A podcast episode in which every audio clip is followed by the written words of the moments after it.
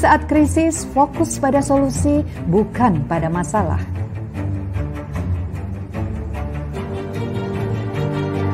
Kerjakan apa yang kamu cintai, hal ini akan membuatmu tangguh karena kamu menciptakan kebahagiaanmu. Temukan tim, di masa seperti ini banyak yang merasa senasib penanggungan, saatnya cari teman. Bagikan kebaikanmu, sekarang saatnya berbagi apa yang kamu miliki tidak harus berupa materi, bisa juga tentang semangat diri. Bahagialah karena bahagia bukan suatu harus berjalan baik, tapi bagaimana kita bisa merespon dengan cara yang lebih baik. Selamat datang di obrolan dapur ibu.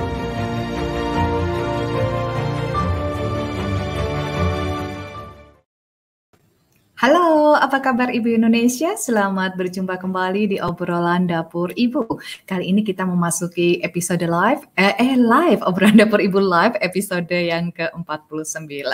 Ya, tidak terasa ya, sudah hampir set Kali lagi sudah kita masuk episode yang ke-50 dimulai dari langkah pertama. Wah, kalau masih ingat yang mengikuti obrolan dapur Ibu live episode yang pertama gitu yang pertama pasti akan melihat segala macam uh, kekurangan, kemudian ketidaksempurnaan dan itu akan membuat saya dan Pak Dodi bahagia karena memang kami meyakini bahwa kesempurnaan itu berada dalam ketidaksempurnaan kesempurnaan justru ada di dalam di dalamnya sana. Dan terima kasih untuk teman-teman yang sudah menjadi saksi hadirnya obrolan dapur ibu kemudian menjadi saksi hadirnya IPedia TV ini sehingga kami bisa kita bersama-sama gitu ya kita bersama-sama bisa bahagia bersama lewat tayangan selama masa pandemi ini terima kasih untuk teman-teman yang sudah hadir ya yang sudah hadir hari ini dari jauh banget dari Wina Austria dan Mesa, apa kabar Mesa? sehat sehat-sehat ya di sana ya karena jauh banget perjalanannya. Pasti ini Ba'da subuh di Bina, jadi bisa semoga bisa melek matanya menyimak uh, live episode yang ke-49 kali ini dan masih libur musim panas ya di sana ya. Kemudian Mbak Fikro Faila apa kabar ya? Alhamdulillah bisa pasang alarm ya, dari bisa bisa pasang alarm tadi malam dan alhamdulillah bisa ikut tepat waktu senang banget. Dan dari Lombok ada Mbak Mutiara Hadi, Mbak Mumut, alhamdulillah bisa menyimak lagi. Sehat selalu alhamdulillah karena kita akan menjaga kebahagiaan kita sehingga menaikkan uh, imunitas tubuh kita dengan kegembiraan. Mbak Retno Dewi apa kabar dari Kaltim hadir lagi ya seneng banget. Kemudian Mbak Nini dari Jambi, Mbak Serli di Ambon hadir apa kabar ya. Kemudian ada Mbak Vika, uh, Quinsa Adisvi di Pekanbaru dan Mbak Sekjen kita. Halo apa kabar Mbak Utami di Bekasi hadir di sini. Mbak Umi Hanahani kangen sama gitu ya di Purwodadi dan Mbak Biru Langit dari Tangsel. Alhamdulillah hadir kita bersama-sama untuk saya senang dengan uh, teman-teman bisa hadir tepat waktu. Dan satu lagi ada Mbak Lenti Nusifera yang sudah duduk manis paling depan. Ah, Elva juga datang agak letih Bu namun tetap semangat semangat ya. Nah hari ini kita akan uh, berproses ngobrol lagi lebih seru lagi tentang bagaimana sih sebenarnya merawat kegembiraan itu. Kalau teman-teman lihat uh, sepanjang saya menyampaikan membawakan host obrolan dapur ibu ini selalu excited gitu, selalu bahagia banget ke saya kalau sudah di depan mic ngobrol sama teman-teman, ketemu sama teman-teman tuh saya seneng banget gitu, saya seneng banget. Meskipun kita sekarang sedang tidak bisa ketemu langsung gitu ya, tidak bisa ketemu langsung, tapi dengan cara ini saya merasa saya lagi ngobrol sama teman-teman banyak banget. Dan itu ternyata menaikkan imunitas tubuh saya dan selama kita berada dalam masa-masa sulit seperti ini, kita memang harus merawatnya, merawat kegembiraan kita, merawat rasa bahagia kita. Nah, bagaimana caranya? Kita tunggu Pak Dodi untuk trik tips bagaimana cara merawat kegembiraan. Inilah dia Pak Dodi Marianto. Jeng jeng jeng. Iya, ya. apa kabar Pak Dodi? Alhamdulillah, syukurillah. Oh, Kembali saya dipepet kali ini. Eh, saya ke Oh enggak, oh, saya enggak. mepet. Enggak, nyopet. Ya. Pak Dodi yang ke sana. Nah, saya ke sana. Uh -uh. Terus kita ke sana sini. Sudah enggak jelas. Sudah, sudah enak, enak nih. Enggak enak. Sudah PW. Enggak ke sana, enggak ke sana. saya ke sini. Nah, gitu Pak Dodi. Alhamdulillah hari ini. Ini asiknya studio pribadi. mau digeser-geser, mau di kita santai aja gitu iya, ya. ini, ini kalau kita di studio yang nggak boleh beneran nih. Sana kita udah gini, sudah dibilang gini, Pak, jangan diubah, Pak, jangan diubah, Pak. Nah, udah gitu dari tadi itu. Iya, saya tuh senengnya kalau punya studio itu. sendiri itu karena kita feel free, kemudian nyaman gitu, ada perasaan nyaman, ada bahagianya iya. gitu kan. Habis tuh lagi enak-enaknya ngeteh pagi tadi kan saya kita tanyain gini, Mas, obrolan kita apa? Ayo, Bu. Ayo. Jadi tenang aja buat teman-teman yang habis ini uh, menjadi host-host di IPedia, sabar gitu ya, santai aja gitu kan. Karena memang ini studio-studio kita, kemudian ini kemerdekaan kita untuk para ibu, para perempuan bisa memiliki media sendiri gitu kan keren banget ya ya. Keren sih. Dan kalau saya bilang tadi kayak gitu tuh bukan berarti Bunda nggak pernah menyiapkan. Bunda itu kalau sudah masuk ke acara uh, apa uh, broadcasting seperti ini itu bisa tidur sampai malam sekali. Sih kadang-kadang saya nggak tahan itu saya bilang aku turus sih gitu. Udah tidur duluan gitu. Karena ya. udah masih ngulik sekali. Ya kan esok hari harus ada hal baru apalagi. Apalagi. gitu. ya, karena kan memang ini awal-awal membangun, awal-awal membangun itu kayak tukang lotek itu loh Pak Dodi jadi belanja gagasan sendiri, bikin flyer sendiri, bikin apa namanya bumper intro, extra sendiri, habis itu jadi operator sendiri, woro-woro sendiri itu masih yang terjadi saat ini seperti itu. Bunda-bunda tahu lotek enggak? Lotek. Iya. Bako lotek. Oh, bako lotek. Oh, lotek. Bako lotek itu penjual lotek. Ah, iya tahu. bako lotek. Yang enggak bukan apa? bako ya lotek gitu lotek apa itu makanan gitu. kayak sayuran macam-macam. Alah, dia omong. oh, betul pecel. Oh iya, sama beda. Oh, pot lotek itu pecel. Hampir hanya mirip. hanya saja ngeyel. Ini yang membuat yang membuat kegembiraan saya itu makin meningkat itu karena dia sama Bunda gitu nih. Hidup kami itu karena tinggal berdua, jadi supaya rumahnya agak agak heboh gitu. Jadi ayal-ayalan itu harus tetap berjalan. Iya, betul. Urusannya apa? Urusannya sederhana, urusan beda antara lotek dan pecel. Itu sudah cukup menghebohkan dunia ini. Membuat tadinya yang kayangan tuh adem, tentrem, itu tiba-tiba goncang bumi itu. Wah, gitu itu. iya. Pokoknya nggak ada lo nggak iya. rame. Yang gitu. Jogja langsung protes tuh, lotek iya bu, lotek itu pecel, hanya bumbunya apa fresh yeah. diulek seketika sesuai dengan pesanan yeah.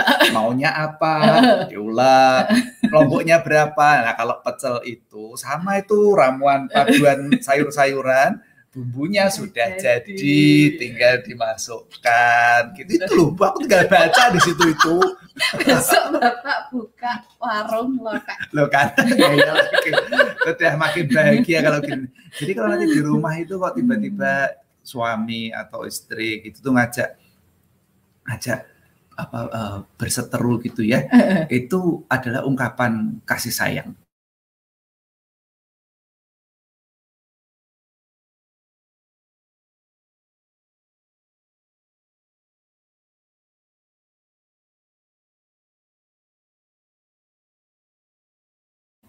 ya. internetnya langsung buffering. Ya, kan? ya itu Kalau artinya itu kita harus berganti topik. Aduh, nggak ada lotak sekarang. Nggak ada. Ya. Eh, so, merawat ya. kegembiraan. Yes. Ya. Apa pertanyaannya? merawat kegembiraan gitu kan. Pada ini kan masa-masa yang menantang ini ya, masa-masa yang menantang. Uh, ya Gak usah ketawa hilang hilang semua yang ada di kepala yang yang sudah disiapkan. Ini buka catatannya. hilang semua. Aduh ya Allah Gusti. Ya. Uh, ini masa menantang. Kemudian kegembiraan. kegembiraannya itu kan kondisinya memang tidak semuanya serba oke okay, gitu ya, tidak semua serba oke. Okay. Nah, bagaimana? Serius, serius, serius. Terus gimana nih cara Aduh, parah banget ini. Ini kalau studio beneran sudah dekat aku. Bagaimana cara merawatnya? Bentar, lihat teman-teman tuh. Teman-teman siapa sekarang yang lebih bergembira? Saya atau Bunda? Coba. Loh, Bunda saja tertawa sampai tidak bisa berhenti. Itu artinya lebih gembira dari saya. Ayo tolong dijelaskan bagaimana caramu tetap bergembira. Udah saya bicara aja deh, cerita dulu dulu. Ya. Nah, jadi saya ini punya konsep bahwa saya ini memang tidak ingin uh, apa ya Pak uh, pertama kali untuk melakukan sesuatu itu membahagiakan banyak orang itu ternyata bikin stres saya. Kalau dulu di awal-awal beraktivitas SMP, SMA lah ya SMP, SMA itu masih masih berusaha untuk masih berusaha masih menahan tawa masih berusaha agar uh, namanya sudah kita serius masih berusaha apa namanya uh, kalau ber, melakukan sesuatu itu agar semua orang bisa bahagia. Nah itu ternyata bikin saya capek yang seperti itu. Eh itu kunci yang pertama. Kunci pertama itu bahagia, ya. kunci pertama adalah tidak perlu merasa harus membahagiakan banyak semua Mm-mm. tidak harus merasa harus menggembirakan semua orang yeah. karena itu uh, dalil alamiahnya mengatakan itu tidak mungkin Mm-mm. gitu Mm-mm. jadi uh, bahwa menggembirakan semua orang itu tidak mungkin jadi nggak usah repot untuk menggembirakan banyak semua orang. Mm -mm. Terus apa yang sudah lakukan kalau tidak menggembirakan semua orang? Yang pertama adalah kalau saya sebentar hostnya itu siapa? Loh. hostnya itu aku. Kita kan Kenapa aku sekarang yang ditanya-tanya? Itu bagus aku kalimat pertama uh. klarifikasi. gitu kan biar lebih jelas. Karena Bunda itu saking bahagianya sampai itu kalimat bener, itu. Saya di rumah tuh kayak gini ini jadi kadang tertawa sampai nggak bisa berhenti gara-gara Pak Dodi gitu kan. Itu itu yang membuat saya bahagia. Oh oke okay. ya. oke. Okay. Jadi Buddha uh, setelah merasa tidak perlu membahagiakan semua mm -hmm. orang, Buddha memulainya dengan diri sendiri. Diri ini membuat dirinya bahagia. Membuat gitu. diri sendiri membuat bahagia. bahagia. Apa yang membahagiakan saya ternyata digodain Pak Dodi gitu, diliatin Pak Dodi, diusilin Pak Dodi itu yang pertama membuat saya bahagia. Saya ketawa-ketawa sendiri. Gitu. Jadi fokusnya membahagiakan diri, diri sendiri, nggak membahagiakan Pak Dodi. Oke oh, oke gitu. oke. Jadi apa pun yang saya lakukan waktu itu bukan demi Pak Dodi, demi saya sendiri. Uh, gitu. Oke oke. Terus Hasilnya apa kalau begitu? Hasilnya saya apa namanya cerah ceria wajahnya uh, gitu. Uh. Terus imunitas tubuhnya naik, uh, terus mengerjakan segala sesuatunya menjadi sangat senang, sangat semangat uh, gitu kan, sangat semangat. Uh. Eh kemudian membawa imbas anggota keluarga yang lain karena emaknya nggak cemberut. Ah, ah itu. jadi ternyata kebahagiaan itu kemudian menular, uh. memancar dan menular. Iya betul. Jadi ketika kita memulainya dengan diri kita bahagia, tanpa berpretensi untuk membuat semua orang, orang bahagia, bahagia maka kebahagiaan itu akan memancar dan menular pada yang lain. Yang lain, ya. Begitu ya Bunda? Iya, betul. Luar biasa Bunda. Emang. Terus apa hal yang membuat Bunda bahagia? gitu. Yang membuat bahagia cuma tiga, jalan-jalan, makan-makan, kemudian belanja gagasan. Oh. Udah cuma tiga itu toh. Tiga itu toh. Nah, Gak ada tuh nama saya, gak ada. Gak ada. Jadi kalau bunda-bunda nanti tidak disebut oleh pasangannya sebagai bagian dari sumber kebahagiaan, nggak usah sakit hati. Yeah, yeah. Kita senasib. gitu.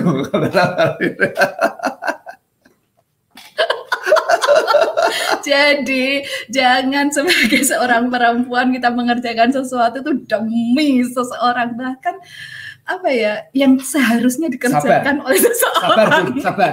Sabar. itu nggak boleh. Sabar. Gitu. Sabar. Aduh, malah curcol ini kayaknya ada dendam ke semua tuh.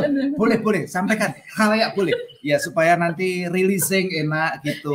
Iya, ya, barangkali banyak yang bernasib sama. Ya, ya mungkin. Ya, ya mungkin. Uh, Karena siapa yang pernah membuat kalau dulu saya itu kan paling nggak senang dengan memasak gitu ya. Itu awal-awal awal-awal yang saya lakukan. Kemudian saya mulai memasak nih. Pak Dodi di kantor pulang dengan harapan nantinya masakan ini pasti akan lahap dimakan oleh Pak Dodi. Itu kan mengerjakan sesuatu demi kebahagiaan orang lain.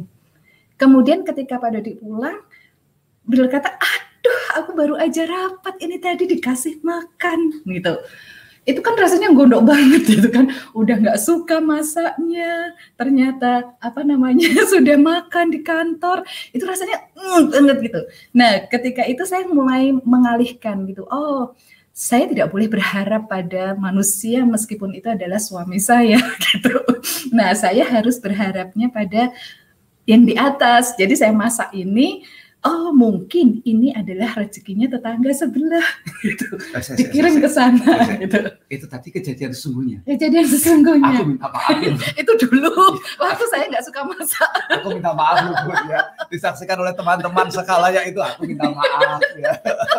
Itu contoh. Itu contoh ketika waktu yang saya alami bahwa saya mengerjakan sesuatu adalah demi demi demi orang-orang di sekitar gitu ya. demi orang-orang di sekitar tuh kadang malah mengecewakan gitu mengecewakan sehingga ketika kalau tidak tidak didasarkan itu malah justru lebih enak lebih membuat saya bahagia mengerjakan pekerjaan-pekerjaan rutinitas gitu lalu bagaimana kaitannya dengan kalau bunda kan memang melahirkan anak hmm. terus kaitannya dengan uh, mengelola anak kadang hmm. kan anak juga jengkelin iya kadang jengkelin hmm. memang memang uh, itu hal normal gitu ya hal normal jadi bukan karena ibu kan sudah melahirkan, mau ibu sudah terus apa sakit-sakit loh dulu melahirkanmu seperti itu minta imbal balik gitu.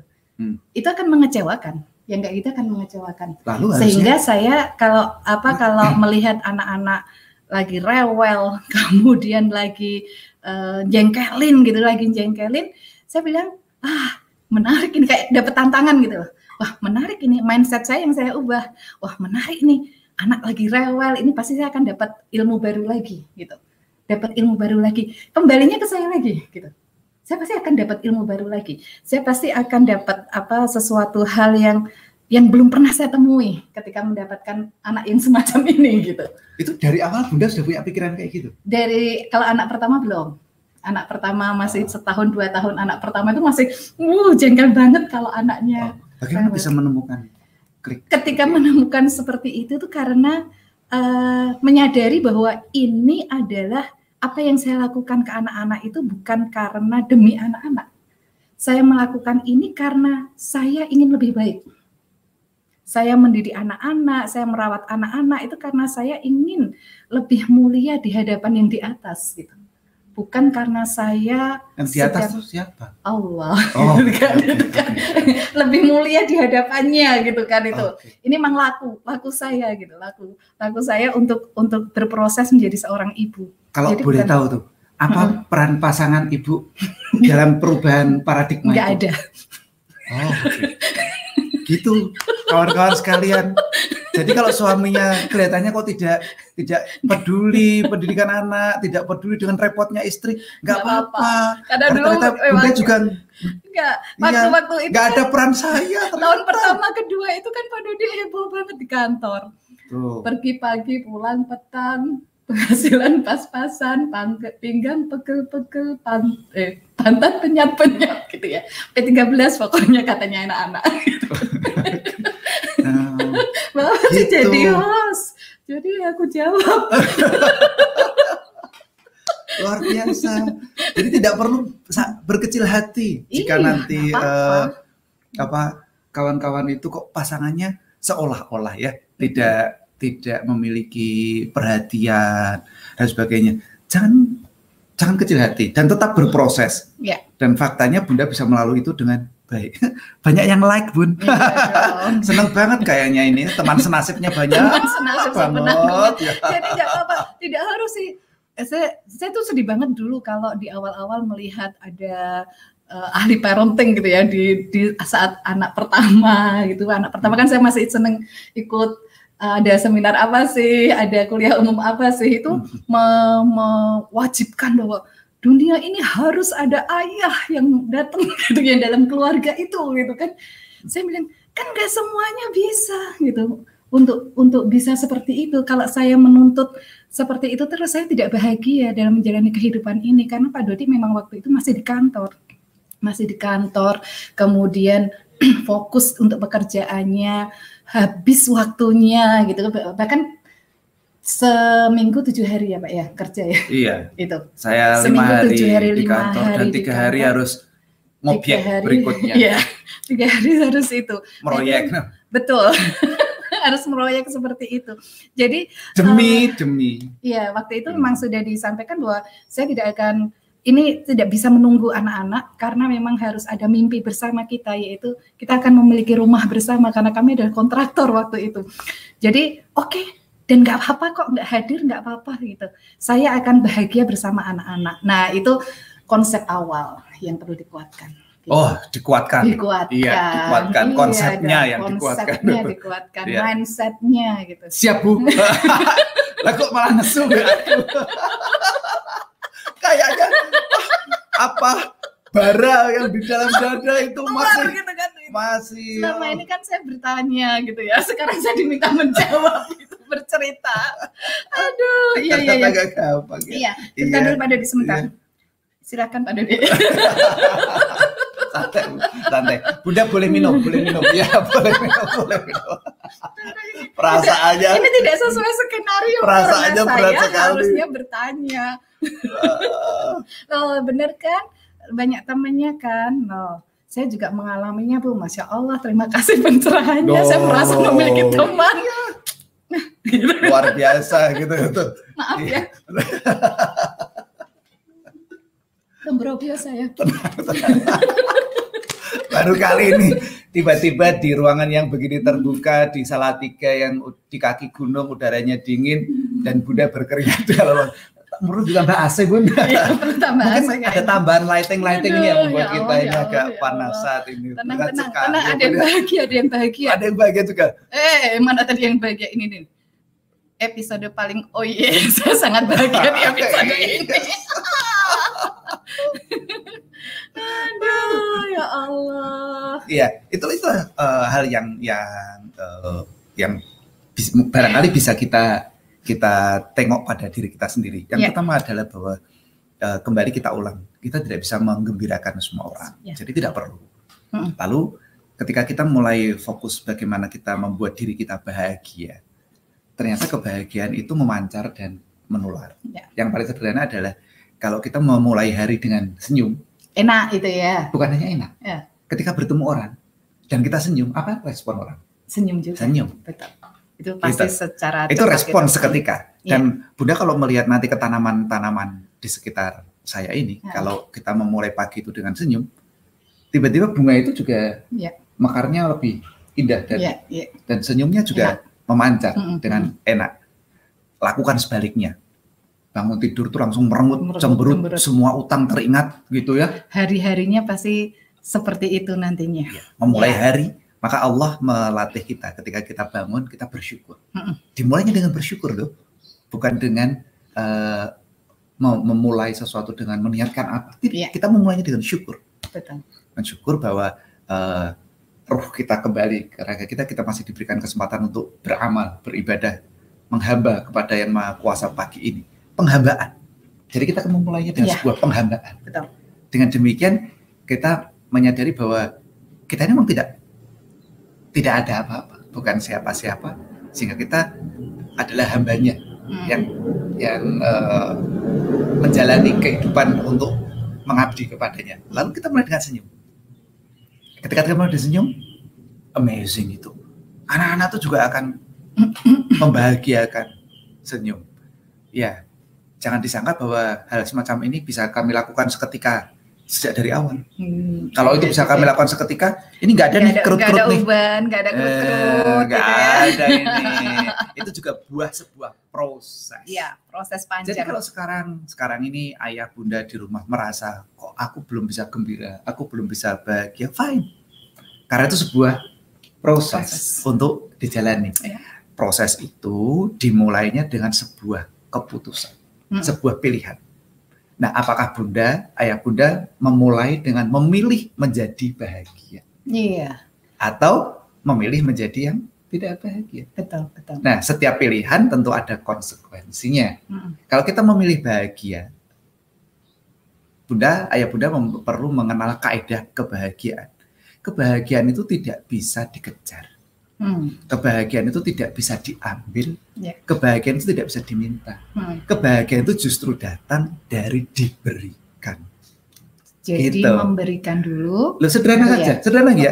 Kita nggak bisa menuntut setiap orang, eh kalian senyum ya sama aku. Tiap kali ketemu sama saya senyum ya, nggak bisa. Hmm. Apa yang perlu kita lakukan?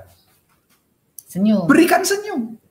Berikan senyum. Selama Dan kita sudah bahagia kan ya? Nggak usah, nggak usah bahagia. Sederhana uh, saja. Senyum, berikan senyum. Senyum aja gitu. Iya. Terus Anda mau bahagia mau tidak, Anda berikan senyum. Uh, uh. Apa yang Anda dapatkan? Anda akan mendapatkan senyum dari beribu-ribu orang. Anda minta seribu orang tersenyum kepada Anda, kadang-kali Anda nggak akan pernah mendapatkan satu pun hmm. senyum dari mereka.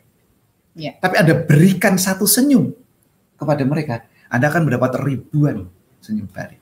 Itu sama Keren dengan banget sih, Pak kebahagiaan. Itu bedanya antara laki-laki.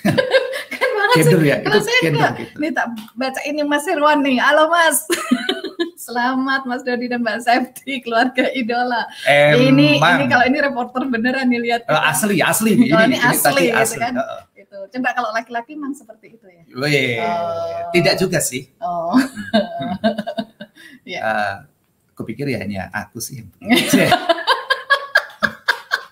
Jadi kemudian ketika kita mau kita berikan kebahagiaan, maka amazing. Yeah.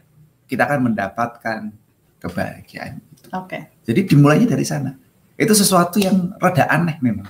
Hmm. Bahkan kita punya tidak punya saja berikan saja. Oke. Okay. Punya Loh, tidak kalau punya, tidak berikan. punya kok diberikan? Nah, lakukan saja. Hmm.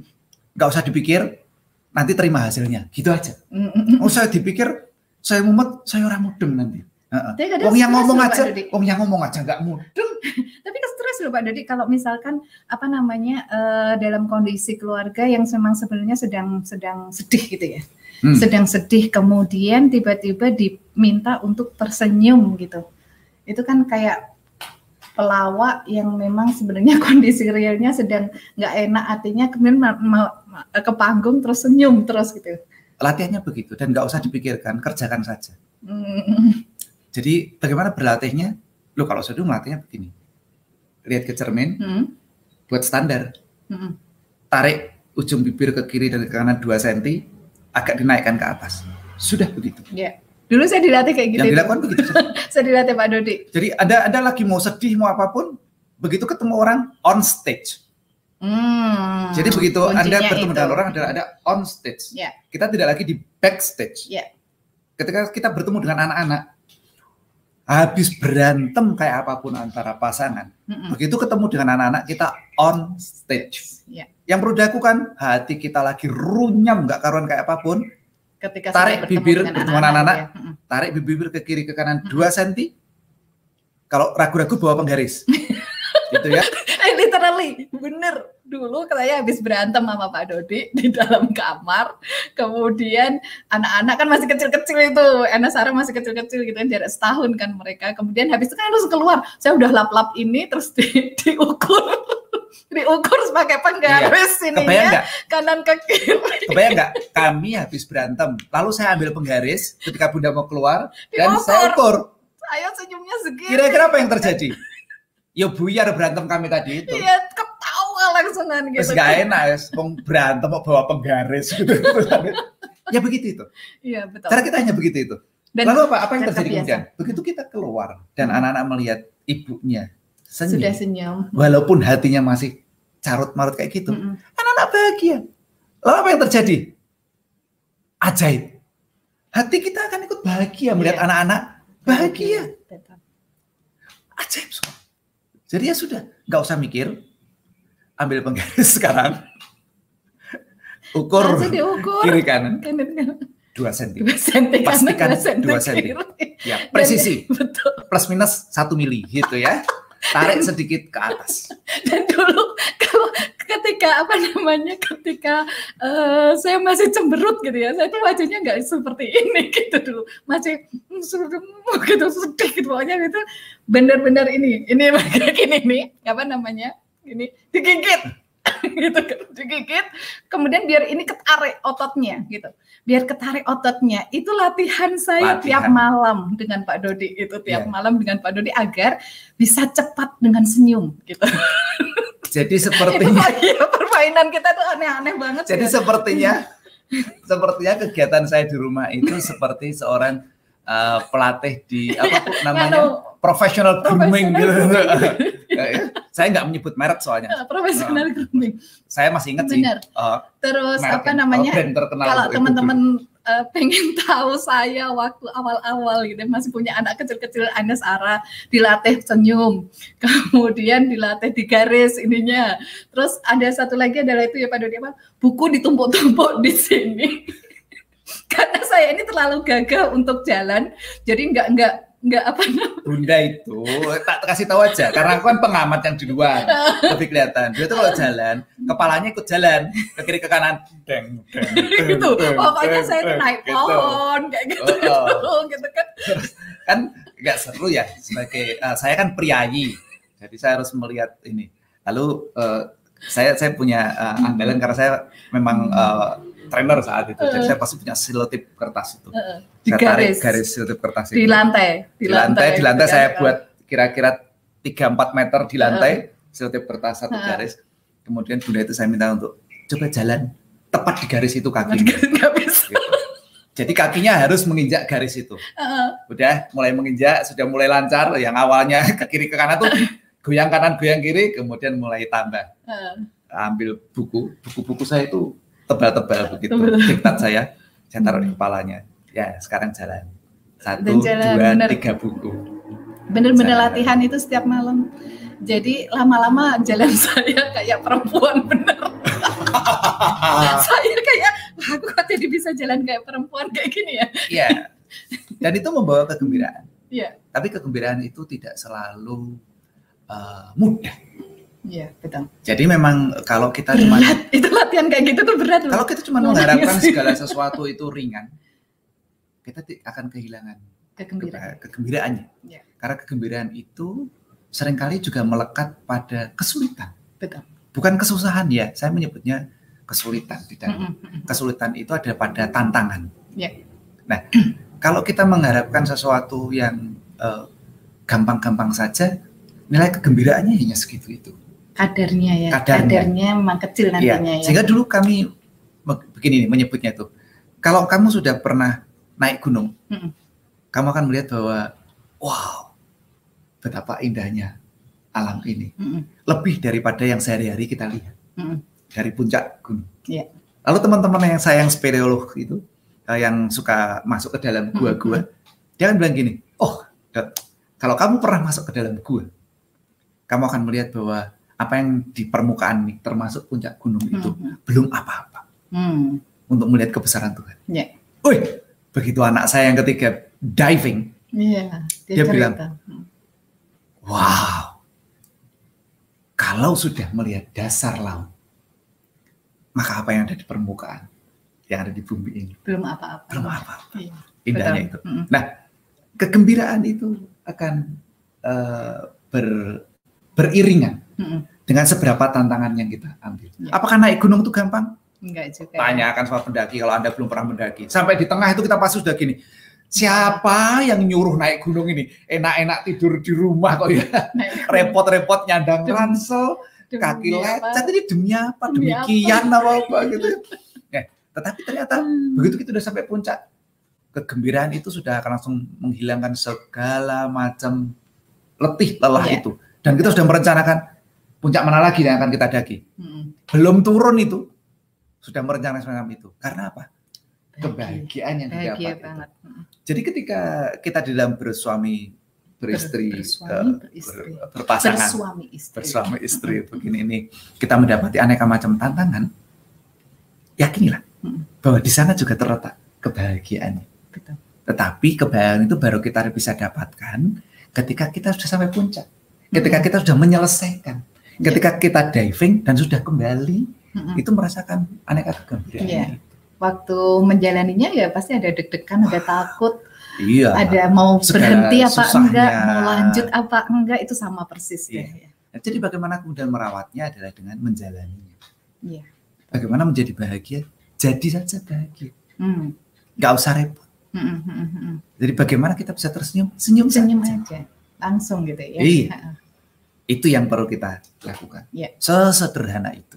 Memang tidak repot sih. Mm-hmm. Yang repot itu ketika kita menjadikan segala sesuatu itu rumit di kepala kita. Mm-hmm. sesuatu yang sangat mudah sebenarnya itu iya merasa nggak tertantang gitu ya. Iya. Terus dibuat rumit gitu ya. Iya, gitu. Aduh, iya iya iya ya Allah. Ya, terima kasih untuk teman-teman yang sudah melihat kegalauan kami antara hostnya siapa. Iya, ini, ini ketawa kami saking kencangnya. Itu anak pertama kami sampai bangun gitu. NS. Oh ya ada ya. ya itu, itu tadi ibu udah malah scroll oh, gitu. ada NS. Oh, Bukan iya, hanya ibunya yang bangun, Aka juga ikut bangun. Aka tadi dengar suara bunda langsung bangun, halo Aka. Aka ini cucu pertama kan? Iya ini cucu pertama, iya. aduh seneng banget. Aduh ya terima kasih untuk teman-teman yang sudah uh, setia gitu ya di obrolan dapur ibu masih ada 30 menit lagi untuk bisa ngobrol bareng Pak Dodi. Saya tetap hostnya kali ini. gak mau, gak mau terjebak lagi. Aduh, saya tetap hostnya. Eh sebentar, saya mau sapa ini teman kecil saya penean pohon. Halo Intan, apa kabar? Ya, didikan militer jadi jalannya gagah. Aku masih seperti mbakku dulu. Emang ini hasil didikan dulu permainan kita itu nggak ada permainan yang manis-manis, boneka-bonekaan gitu nggak ada. ada. Ya, itu permainan uh, Bunda ini dengan Intan itu adalah kalau ada tentara-tentara yang tiba-tiba masuk ke dalam uh, ruang Rumah, tamunya, ya, membawa pakai apa uh, aneka macam por, apa anu, kamuflase, kamuflase itu daun-daun. gitu kan. Itu tiba-tiba masuk ke dalam rumah gitu. bawa senjata gitu. Itu nah saya apa apa jiwa jiwa. Jiwa korsa. Jiwa korsanya itu langsung mulai ayo pak tembak pak seru pokoknya di komplek tentara itu. Saya kalau masuk komplek tentara deg-degan. Oh bisa gemeter nggak bisa keluar kata apa-apa gitu. Aduh, ya dapatnya kok ya anak kompleks gitu ya gitu. Hati-hati ya kata orang Jawa geteng nyanding. Gitu. iya akhirnya ya. Pak Nirwan apa kabar? Lama kita nggak ketemu Medan ya Pak Dodi iya, hebat luar biasa. Aduh tersanjung nih Pak Terima Dodi. kasih, terima kasih. Ya. Uh, baik, jadi silahkan teman-teman kalau ada yang apa namanya ingin diskusi, ingin ngobrol tentang bagaimana merawat kebahagiaan ini. Mau menemani penting, Bunda Curcol juga boleh. mau curcol juga boleh, itu kan. Mau curcol juga boleh uh, sampai di jam 11 nanti. Iya Pak Dodi, kalau apa namanya uh, kita merasakan bahwa ini bukan kita nggak bahagia gitu, nggak bahagia untuk menjalankan pekerjaan rutin ini ibu-ibu ya biasanya ya pekerjaan rutin sehari-hari yang ada uh, di rumah yang harus mau nggak mau harus dikerjakan. Kemudian bagi bapak-bapak yang work from home misalkan harus di rumah terus kadang ada yang bahagia kadang ada yang tidak gitu. Nah bagaimana menyikapinya itu? Ya kita mulai dengan minum dulu ya, ya. kalau bunda tadi kan minumnya pakai gendul gitu ya. Kalau saya kan priayi minumnya juga beginilah kira-kira Kami itu bumi dan langit loh. Iya. Udah langsung gendul. Oh. saya segini langsung saya minum gitu kan. Kalau pada dia itu nggak pakai lepek, pakai itu terus saya, ih lama banget sih minum aja kayak gitu. Iya. Saya kalau minum kopi itu sedikit saya nikmati. Tiba-tiba bunda udah habis. Karena udah udah habis, punya saya diuri gitu, diambil gitu. Aduh, emang ya, anak, dan nggak apa-apa. Iya. Gitu. apa -apa. Nasib menikah dengan anak tentara. Serasa saya bukan anak tentara aja. Bapak saya juga tentara. Aduh, aduh, ya. aduh. Uh, itu memang memang apa sebuah tantangan kegembiraan itu adalah ya. munculnya rasa bosan. Betul. Jadi kadang-kadang kegembiraan yang terus-menerus itu juga menimbulkan bosan. Kadang-kadang kita juga guyonan gitu, dia nanti di surga itu apa nggak bosan ya? Nggak ada kesedihan. Iya betul. Nggak ada tantangan, nggak ada kesulitan, apa nggak bosan nanti kalau di sana itu. Jadi uh, tan uh, itu apa guyonan manusiawi kami itu. Yeah. Wow, alam surga itu jauh lebih daripada yang kami bayangkan lah di dalamnya itu. Nah, kegembiraan yang uh, situasi yang sepertinya seolah gembira terus-menerus itu kadang-kadang juga akan menimbulkan uh, kebosanan nanti. Yeah. Sehingga kita menaikkan challenge tantangan. Nah, tantangan itu ada kalanya uh, bisa kita create sendiri, yeah. ada kalanya datang dan harus kita terima. Yeah. Nah, misalnya kita create apa? Misalnya itu tadi naik gunung, hmm. itu bisa kita rencanakan. Artinya kita sendiri yang membuat kesulitan yeah. atau tantangan buat yeah. diri kita. By design. Ya, gitu ya. men-challenge diri kita untuk hal semacam itu. Ada yang tiba-tiba harus kita terima, misalnya sakit Hmm. Kita kan tidak merencanakan sakit, hmm. tetapi harus sakit. Hmm. Kayak gitu itu. Itu tantangan yang sangat menarik. Dan uh, para alim memberikan kita panduan bahwa uh, dengan sabar, ikhlas menerima, itu hmm. kata-kata yang mudah sekali. Itu hmm. tidak tidak tidak mudah untuk di dikerjakan. Ya, betul. Nah, apa yang bisa kita lakukan sebagai sebuah action untuk bisa memunculkan rasa-rasa yang semacam itu? Mm -hmm. Ada beberapa hal yang yang mungkin secara fisik bisa kita latihkan pada diri kita. Jadi ketika ada gejolak rasa tidak suka dan sebagainya, itu sebenarnya secara fisik kita akan merasakan. Jadi emosi itu akan uh, terkoneksi dengan aspek fisik kita. Misalnya mm. marah gitu ya. -hmm. Kalau marah itu mata kita menjadi lebih melotot, mm -hmm. uh, memerah, kayak gitu itu. Jantungnya berdegup kencang, nadinya, nafas nafasnya juga pendek-pendek. Gitu, nah itu secara fisik yeah. yang hmm. uh, kita rasakan. Hmm. Sama tuh jengkel, uh, bosan, hmm. itu juga secara fisik akan akan kita hmm. rasakan. Hmm. Nah yang pertama adalah bunda dan ayah anda boleh mulai dengan belajar niteni.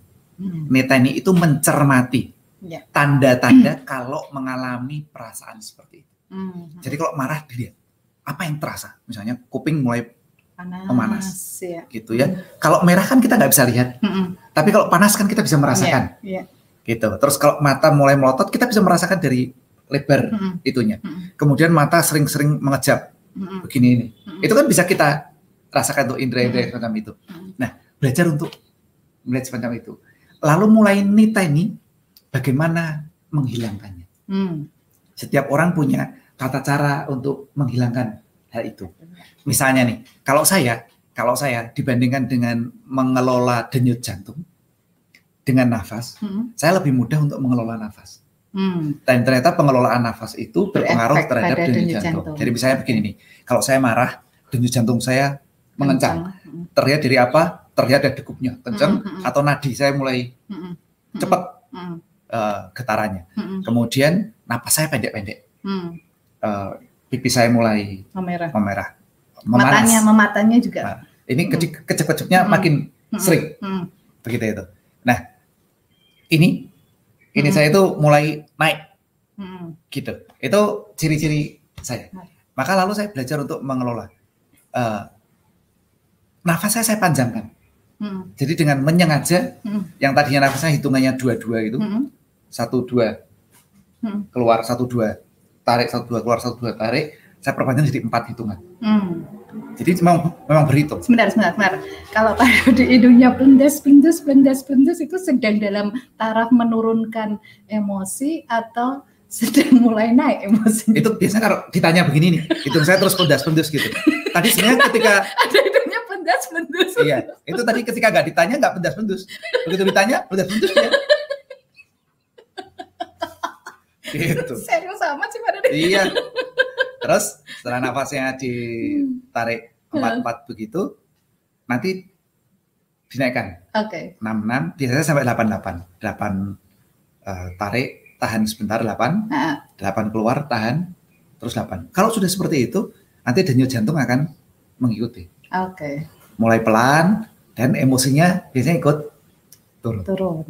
Nah kalau sudah seperti itu, sudah lebih enak. Hmm. Nah, nanti kalau sudah terlatih seperti itu, wajah ini bisa memerah, tapi denyut jantung tetap yeah. tenang. Itu artinya kita bisa sudah mulai bisa berakting, hmm. latihan acting. Karena hmm. kita kadang-kadang perlu marah pada anak-anak misalnya, hmm. perlu marah pada seseorang hmm. misalnya. Hmm.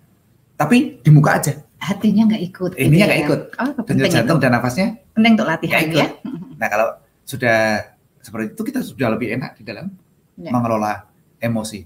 Jadi kalau uh, bapak tertawa itu tertawa aja, hmm.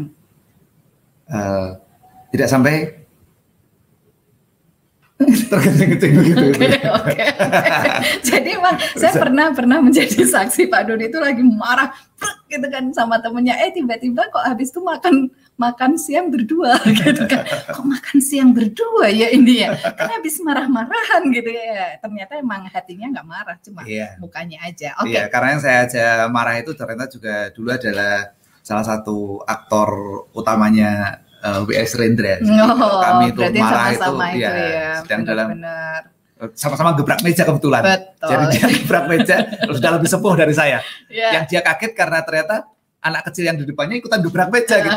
Padahal saya sebenarnya juga latah aja karena dia gebrak meja, saya gebrak meja gitu. Iya, ada pertanyaan ini dari bundanya Hansa Ica. Apakah dulu Pak Dodi sudah memiliki kepercayaan besar bahwa Bu Septi akan seperti saat ini? Yes. Kalau saya tidak yakin, saya tidak akan nikahi Bu Septi. Itu sudah uh, apa keyakinan dari dalam. Karena saya ini uh, dikaruniai sesuatu kesempatan untuk bisa memilih memberikan rekrutmen.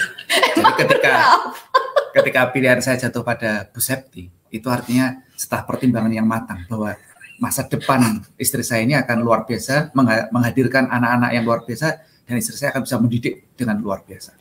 Dan terbukti seperti sekarang ini. Iya, yang mantan-mantannya Pak Dodi gitu kan. Hai.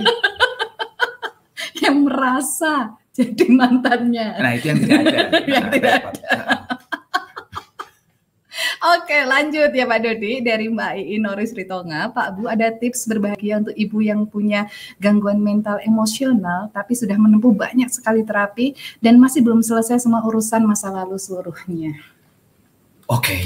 Hmm. Ya, ini ya. Uh, memang uh, kalau sesuatu yang yang secara psikologis uh, ada ada yang mengganggu hmm. dalam hal ini memang harus diselesaikan oleh profesional. Ya. Nah, saran saya para terapis tadi itu apakah para profesional? Profesional. Iya, betul. Ya. Jadi Bunda perlu untuk datang yang disebut dengan terapis itu betul-betul profesional dalam hal ini. Profesional itu artinya memang license.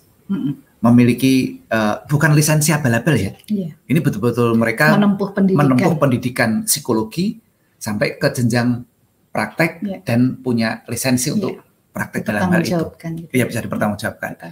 Nah tentu ada proses yang mesti dijalani, ada aneka macam tata cara dan itu sudah proven secara uh, akademik, uh, yeah. secara ilmiah sudah terbukti mm -hmm. semacam itu. Nah itu ditekuni dan dijalani. Yeah. Iya. Uh, bahwa ketika terjadi gangguan emosi dari saya yang orang awam itu hanya bisa me menyampaikan apa yang kami alami, yaitu Bunda belajar nita ini, mencermati, hmm. mencermati apa yang menyebabkan gangguan itu. Hmm. Lalu untuk sementara tidak, tidak mendekat Betul. kepada yang menyebabkan terpicu, itu muncul, ya. ya agar tidak terpicu. Hmm. Tetapi menghindar ini tidak menyelesaikan persoalan. Ya, betul. Jadi menghindar itu hanya menghindarkan bunda dari kemungkinan emosinya lepas hmm. tanpa kendali. Ya. Tetapi itu tidak menyelesaikan persoalan. Hmm. Maka untuk menyelesaikan persoalannya betul Bunda harus datang kepada Ahli. uh, ahlinya, hmm. para profesional hmm. yang uh, mesti menyelesaikan hal semacam ya. itu. Ya. Saya yakin dengan ketekunan uh, dari Bunda nanti, Bunda akan bisa uh, menyelesaikan ya. hal semacam itu. Langkah-langkah uh, spiritual baik untuk mengimbanginya, mendampinginya. Hmm. Jadi uh, lakukan spiritual sesuai dengan uh, keyakinan yang Bunda ya. uh, anut dalam hal ini. Semacam kalau di Islam kan puasa itu mencegah kita dari marah. Ya, hmm. menjadikan kita lebih sabar. Hmm. Uh, sholat itu mencegah kita dari berbuat mungkar. Hmm. Nah, semacam itu ya kita lakukan. Ya. Zikir itu membuat hati kita tambah tentram. Ya. Membaca Al-Quran itu menjadikan hati tentram karena Al-Quran itu adalah asyifa apa uh, obat. Hmm.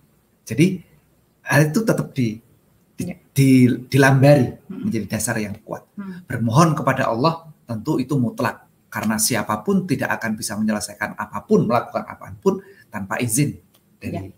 Allah Subhanahu wa taala. Oke, begitu ya Mbak dan jangan uh, apa namanya uh, curcolnya ke orang awam gitu kan ya. Kalau yeah. curcol ke orang awam biasanya malah jadi masalah baru. Iya, yeah. itu itu yeah. yang perlu. Kalau perlu uh, mengapa curcol ke orang awam itu tidak tidak biasa tidak kami sarankan atau tidak hmm. biasa kami lakukan hmm. karena kami kami ini kan tidak tersumpah. Iya. Jadi walaupun walaupun yeah. mungkin uh, Bunda bisa mempercayai kami, tetapi kami ini tidak tersumpah untuk menyimpan rahasia. Yeah. Tapi para profesional itu mereka tersumpah, tersumpah. untuk tidak boleh mengeluarkan rahasia itu. Yeah. Dan itu lebih bisa dipercaya dalam ya, hal ini. Harus pintar memilih yang ya. seperti itu. Oke. Lanjut dari Mbak Dinar. Oh, oh, oh tinggi sekali ya. Mbak kamu, Dinar. kamu. Oh enggak, oh. kita kita baca ya kita hari ini. Halo. Hai. Ah, ya. gitu. Assalamualaikum Bunda Septi dan Pak Dodi. Waalaikumsalam. Senang saya dan suami bisa seperti Bapak dan Bunda. Saya Dina dari Bogor. Mau tanya, bagaimana cara Bapak dan Bunda menyelesaikan konflik rumah tangga? Uh... Dihadapi setiap konflik itu tidak bisa selesai dengan dihindari. Yeah. Bersembunyi, terlebih melarikan diri. Yeah. Tidak bisa. Jadi setiap persoalan dihadapi.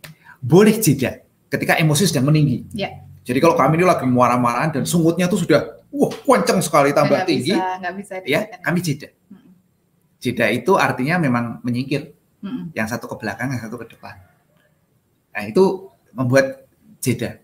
Dan jeda yang paling tidak bisa dipungkiri adalah kalau kita sudah me menyebut ritual yang sudah di, disunahkan oleh Rasul begitu.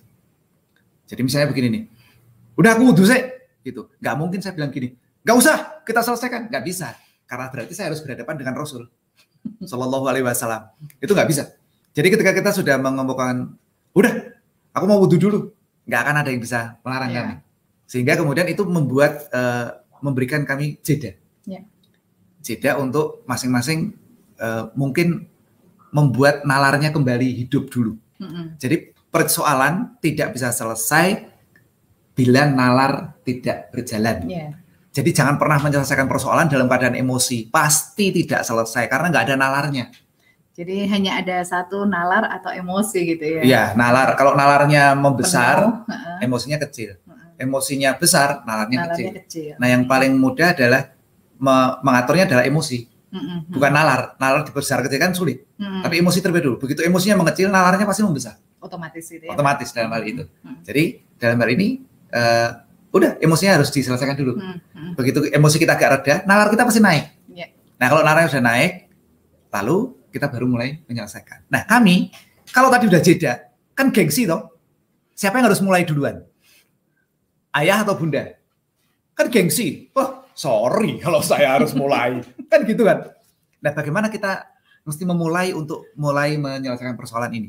Nah, kami punya ritual yang yang masing-masing memahami hal itu. Misalnya nih di depan saya ini ada ada teras belakang. Nah, kalau saya sudah duduk di situ, itu artinya saya senjata. saya minta untuk mulai menyelesaikan persoalan. Tapi nggak pakai omongan sih. Gak pakai omongan gengsi. gengsi, gengsi banget kalau pakai omongan iya. gitu kan. Tetapi karena itu adalah tempat yang paling nyaman buat saya. Pertama apa? Itu menghadap ke halaman yeah. yang hijau. Udaranya terbuka. Mm -hmm. Jadi begitu saya duduk di situ, udara pasti segar. Yeah. Oksigen banyak. Jadi saya lebih waras kalau saya duduk di situ. Nah, sehingga kemudian kalau saya sudah duduk di situ, Bunda tahu kalau saya sudah mulai mengajak untuk menyelesaikan persoalan. Nah, Bunda ya nggak usah ngeyel, nggak kemudian, oh sorry, maaf ya. Gitu kan enggak juga. Karena selesai, selesai. karena nanti enggak selesai. Iya. padahal enggak selesai itu membuat energi kami makin kesedot habis. Iya. jadi kan pengennya kita selesai. Nah hmm. bunda biasanya kemudian mulai kutik kutik kutik. Saya dengar aja tapi saya enggak enggak enggak enggak merespon. enggak merespon. Ya pura-pura enggak merespon. Padahal tahu nih asik. Habis sambil menduga-duga kopi teh. kopi teh gitu. Ternyata yang muncul jahe panas gitu ya ya, apa, pasti akan muncul ya. tuh. Set, begitu diletakkan di sana, itu artinya apa? Kami berdua siap untuk membicarakan secara yeah. logis, logis dengan nalar yang baik. Hmm. Kemudian diselesaikan, yeah. diobrolkan. Pantangannya adalah pantang bagi kami adalah diem dieman. Hmm. Karena kalau kedua belah pihak sudah berdiam diri dan menyatakan diri tidak mau ngomong lagi, hmm. persoalan tidak pernah selesai. Yeah. Persoalan selesai kalau didiskusikan, dikomunikasikan. Gitu aja. Yeah. Jangan bicara saat emosi nantinya. Oh, iya. Wah itu nggak masuk. Anak juga gitu. masuk. Anak sedang nangis, kemudian dinasehatin nggak bisa gitu. Jauh banget itu ya. saya gitu. mulai teringat emosi. Panas saya ini, harus, panas, panas ini. Ya. Harus minum dulu. Halo Mbak Nur Hasna Hasan di Pekanbaru, apa kabar ya? Mau tanya waktu Bunda dulu masa morning sickness hamil, bagaimana tetap merawat gairah kegembiraannya sehingga tetap beraktivitas? Nah, kalau ini saya di kehamilan pertama belum bisa. di kehamilan pertama tuh lemah sekali ya Pak ya. Oh iya. Itu benar-benar uh, apa bed rest, kemudian lemah sekali emang nggak bisa beraktivitas macam-macam dan rasanya masih sering nangis. Masih nangis tiba-tiba muncul gitu, air mata nggak ada cerita nggak ada angin nggak uh, ada hujan uh, nangis ya itu gitu. itu saya di kehamilan pertama karena memang dalam proses belum menerima diri juga. Kemudian ini hal baru keluarga baru masih bingung gitu. Itu itu saya di kehamilan anak pertama. Kemudian kalau di kehamilan anak kedua karena sudah punya mainan gitu kan sudah ada Enes Halo, terima kasih ya Mbak Enes. Sudah ada Enes yang bisa saya ajak main gitu. Saya gembira banget kalau main sama anak-anak itu. Nah akhirnya di kehamilan Ara itu saya sampai morning sickness dan sebagainya lewat itu nggak ada apa-apa gitu lupa gitu lupa kalau sedang hamil adanya cuma main jadi pagi hari main lagi pagi hari main lagi dan dulu ketika anak pertama akhirnya saya mengundang anak-anak tetangga sebelah ya. Anak-anak tetangga sebelah itu saya undangin untuk masuk ke rumah, untuk main bersama saya. Itu saya lupa jadinya yang seperti itu. Nah, ya, itu untuk, jadi penting untuk mengetahui. Balik lagi ya. Mm -mm. Ni teni. Jadi mencermati. Apa yang membuat diri kita bahagia? Kita undang dia datang. Iya, betul. Apakah yang membuat kita bahagia adalah tanaman? Undang tanaman ya, itu datang. Betul. Apa yang datang itu uh, hewan-hewan piaraan? Undang dia datang. Ya. Nah, bunda ini yang membuat gembira adalah anak-anak. Anak kecil-kecil. Undang anak-anak itu datang Semua anak tetangga itu diundang iya. Dan tarikannya memang begitu. Jadi dulu begitu saya eh, kami berdua itu datang lapor kepada Pak RT eh, bahwa kami Indah. akan menjadi warga baru mm -hmm. di kompleks ini, mm -hmm. lapor RT. Itu nggak tahu cerita itu anak-anak tuh udah di belakang di, di depan pintu di depan Pak RT pintu itu. Pak RT terus pulang itu ngikutin Ngikut. gitu kan kami gitu. keluar anak-anak tuh ngikut semua gitu terus ya. wah ini kalau sampai kita nggak diterima Pak RT bisa didemo anak-anak ini gitu nah, dan itu anak-anak itu gitu. anak-anak itu membuat menumbuhkan kegembiraan bunda nah yeah. saya sebagai suaminya uh, belajar juga untuk Nita nih apa yang tiba-tiba membuat nangis mm -hmm. apa yang tiba-tiba membuat sedih lalu apa yang membuatnya gembira yeah. salah satu yang membuat gembira ya ini untungnya nih kegembiraan kami kok sama sama-sama menyukai mangga Ya betul. Nah, pas masa itu musim mangga. mangga. Betul. Jadi mangga itu menjadi sebuah uh, sarana untuk merawat kegembiraan bunda saat itu. Yeah. Saya juga. Iya, akhirnya harus sama-sama ya. Lanjut Pak Dodi ya dari Mbak Desi, Bunda gimana menciptakan kebahagiaan di tempat baru, lingkungan baru, dan peran baru di lingkungan sebelumnya full aktivitas dan bertemu banyak orang, sekarang minim aktivitas dan kurang percaya diri di lingkungan baru, sama ya dulu ya itu ya, oh, ya. sama persis itu yeah. ketika bergeser dari Salatiga ke Depok gitu kan yeah. ya nggak punya teman nggak ada aktivitas kemudian sendirian di rumah ya itu tadi kita panggilin anak-anak aja oh Bunda sudah nita ini nih. Iya. Apa tadi yang buat bahagia? Coba boleh, boleh di ada aktivitas. Dulu senang, Dulu karena full aktivitas, bertemu, bertemu banyak, banyak orang. Ya, itu yang membuat Bunda bahagia. Betul. Kalau sekarang baru mulai minim aktivitas kan normal. Iya. Memang baru mulai. Iya. Tetapi jangan berlama-lama. Segera saja mulai mm agar kembali full aktivitas mm dan bertemu banyak orang. Yeah. Karena dua hal itu membuat Bunda bahagia. Kerjakan saja. Yeah. Mulai. Tidak bisa mulai itu seketika banyak Langsung, ya. banyak nah Dimulai. beruntungnya berada di sebuah komunitas semacam ibu profesional hmm. berada di komunitas. Begitu kita datang sudah di tempat yang baru itu sudah banyak komunitasnya. Sehingga bisa seketika menghadirkan teman kegiatan baru, dan kegiatan teman yang baru, banyak tidak merasa sendirian gitu ya. Hmm. itu itu karena dulu saya tuh merasa sendirian nggak punya teman. Akhirnya wah asik ya kalau punya komunitas. Akhirnya apa? Bikin komunitas, bikin komunitas gitu. iya. bikin komunitas dan sekarang teman-teman yang merasakan efeknya kan enak banget gitu kan ya. Satu terakhir ini dari Mbak Eti apa kabar Mbak Eti ya? Assalamualaikum Bapak Ibu gimana? Ini nontonnya barengan bertiga atau sendirian? Iya. bertiga dong ya gimana caranya biar bisa menerima kalau dimarahi suami? Kadang ada rasa nggak terima kalau disuruh melakukan ini itu yang saya nggak suka. Dan ujung-ujungnya ngambek dan pengen nangis. Ah Mas Dutria nih Mas Dutria nih. Saya nggak punya tips kalau ayo Bun. Disuruh ini itu nggak suka nangis. Iya saya dulu nangis. Saya eh, dulu nangis juga juga.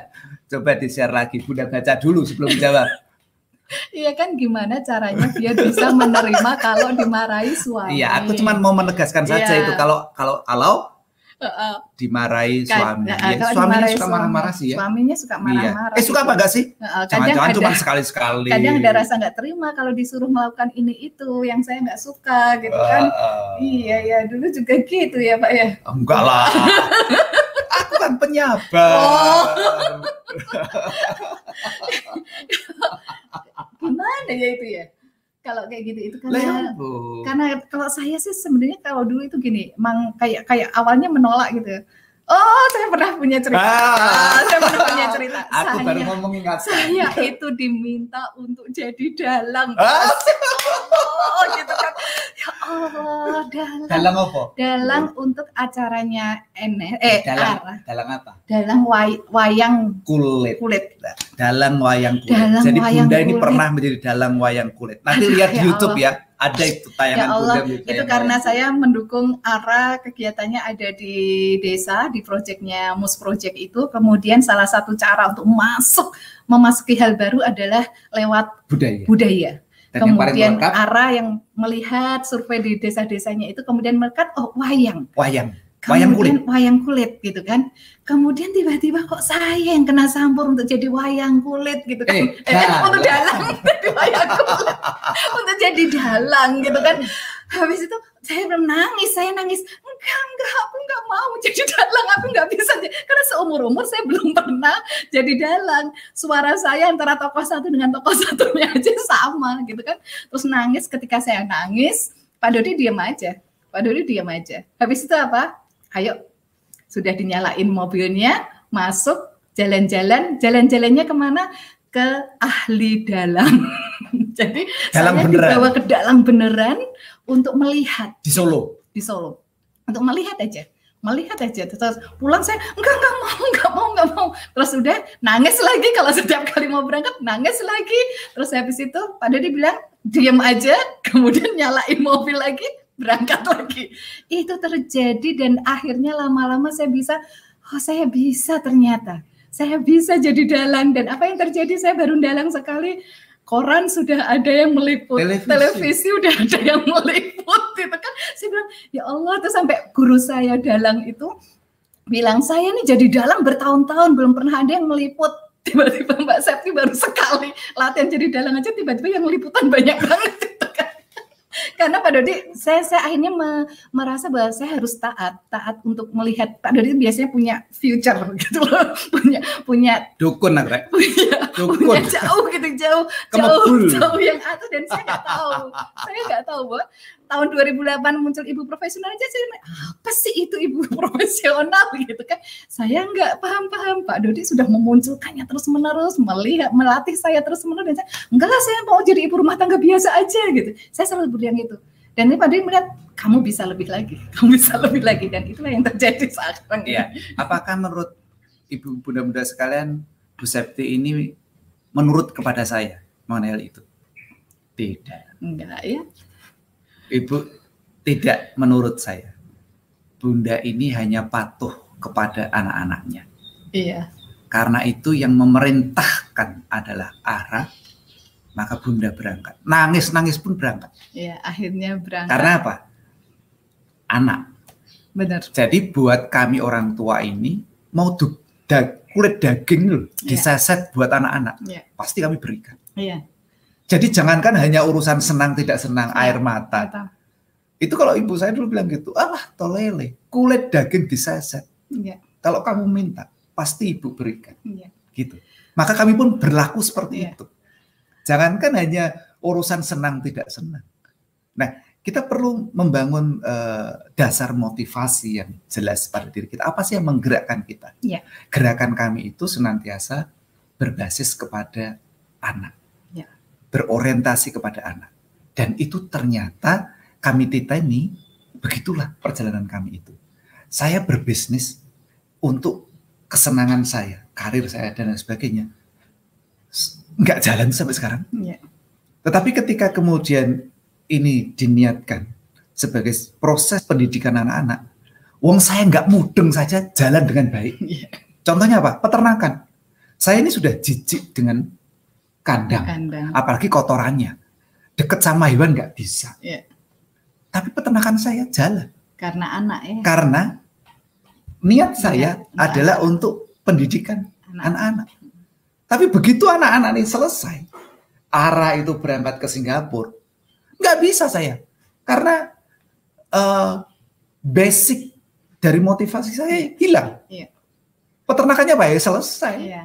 Jadi itu dasarnya harus kuat banget sehingga Apa? ketika ya harus ditemukan. Iya, harus ditemukan gitu ya, ya. harus ditemukan. Inner motivation iya. itu. Dulu ketika Pak Dodi melatih saya, kemudian saya bilang, aduh nggak mau, nggak mau, nggak mau. Tapi ketika Pak Dodi bilang, e, ibu yang percaya diri akan melahirkan anak-anak yang percaya diri. Kalau kamu tidak percaya diri, jangan harap anak-anakmu bisa percaya diri juga. Wah, itu langsung ding ding ding ding ding ding gitu. Karena demi anak. Oke, terima kasih buat teman-teman semuanya yang sudah hadir tepat satu jam lebih enam menit ternyata. ternyata panjang lebihnya, mohon maaf. Enggak apa-apa. Ini tadi banyak apa menjadi panjang itu karena 10 menit itu hanya mendengarkan kami tertawa, tertawa aja. ya. Jadi tambahannya pas gitu ya. Jadi pas satu jam ya itu, gitu itu ya. tapi itu juga bukan excuse. Iya. Kira tetap harus minta maaf. Minta maaf. Iya. Terima kasih teman-teman. Aduh tetap semangat karena menjadi ibu menjadi orang tua memang tidak mudah.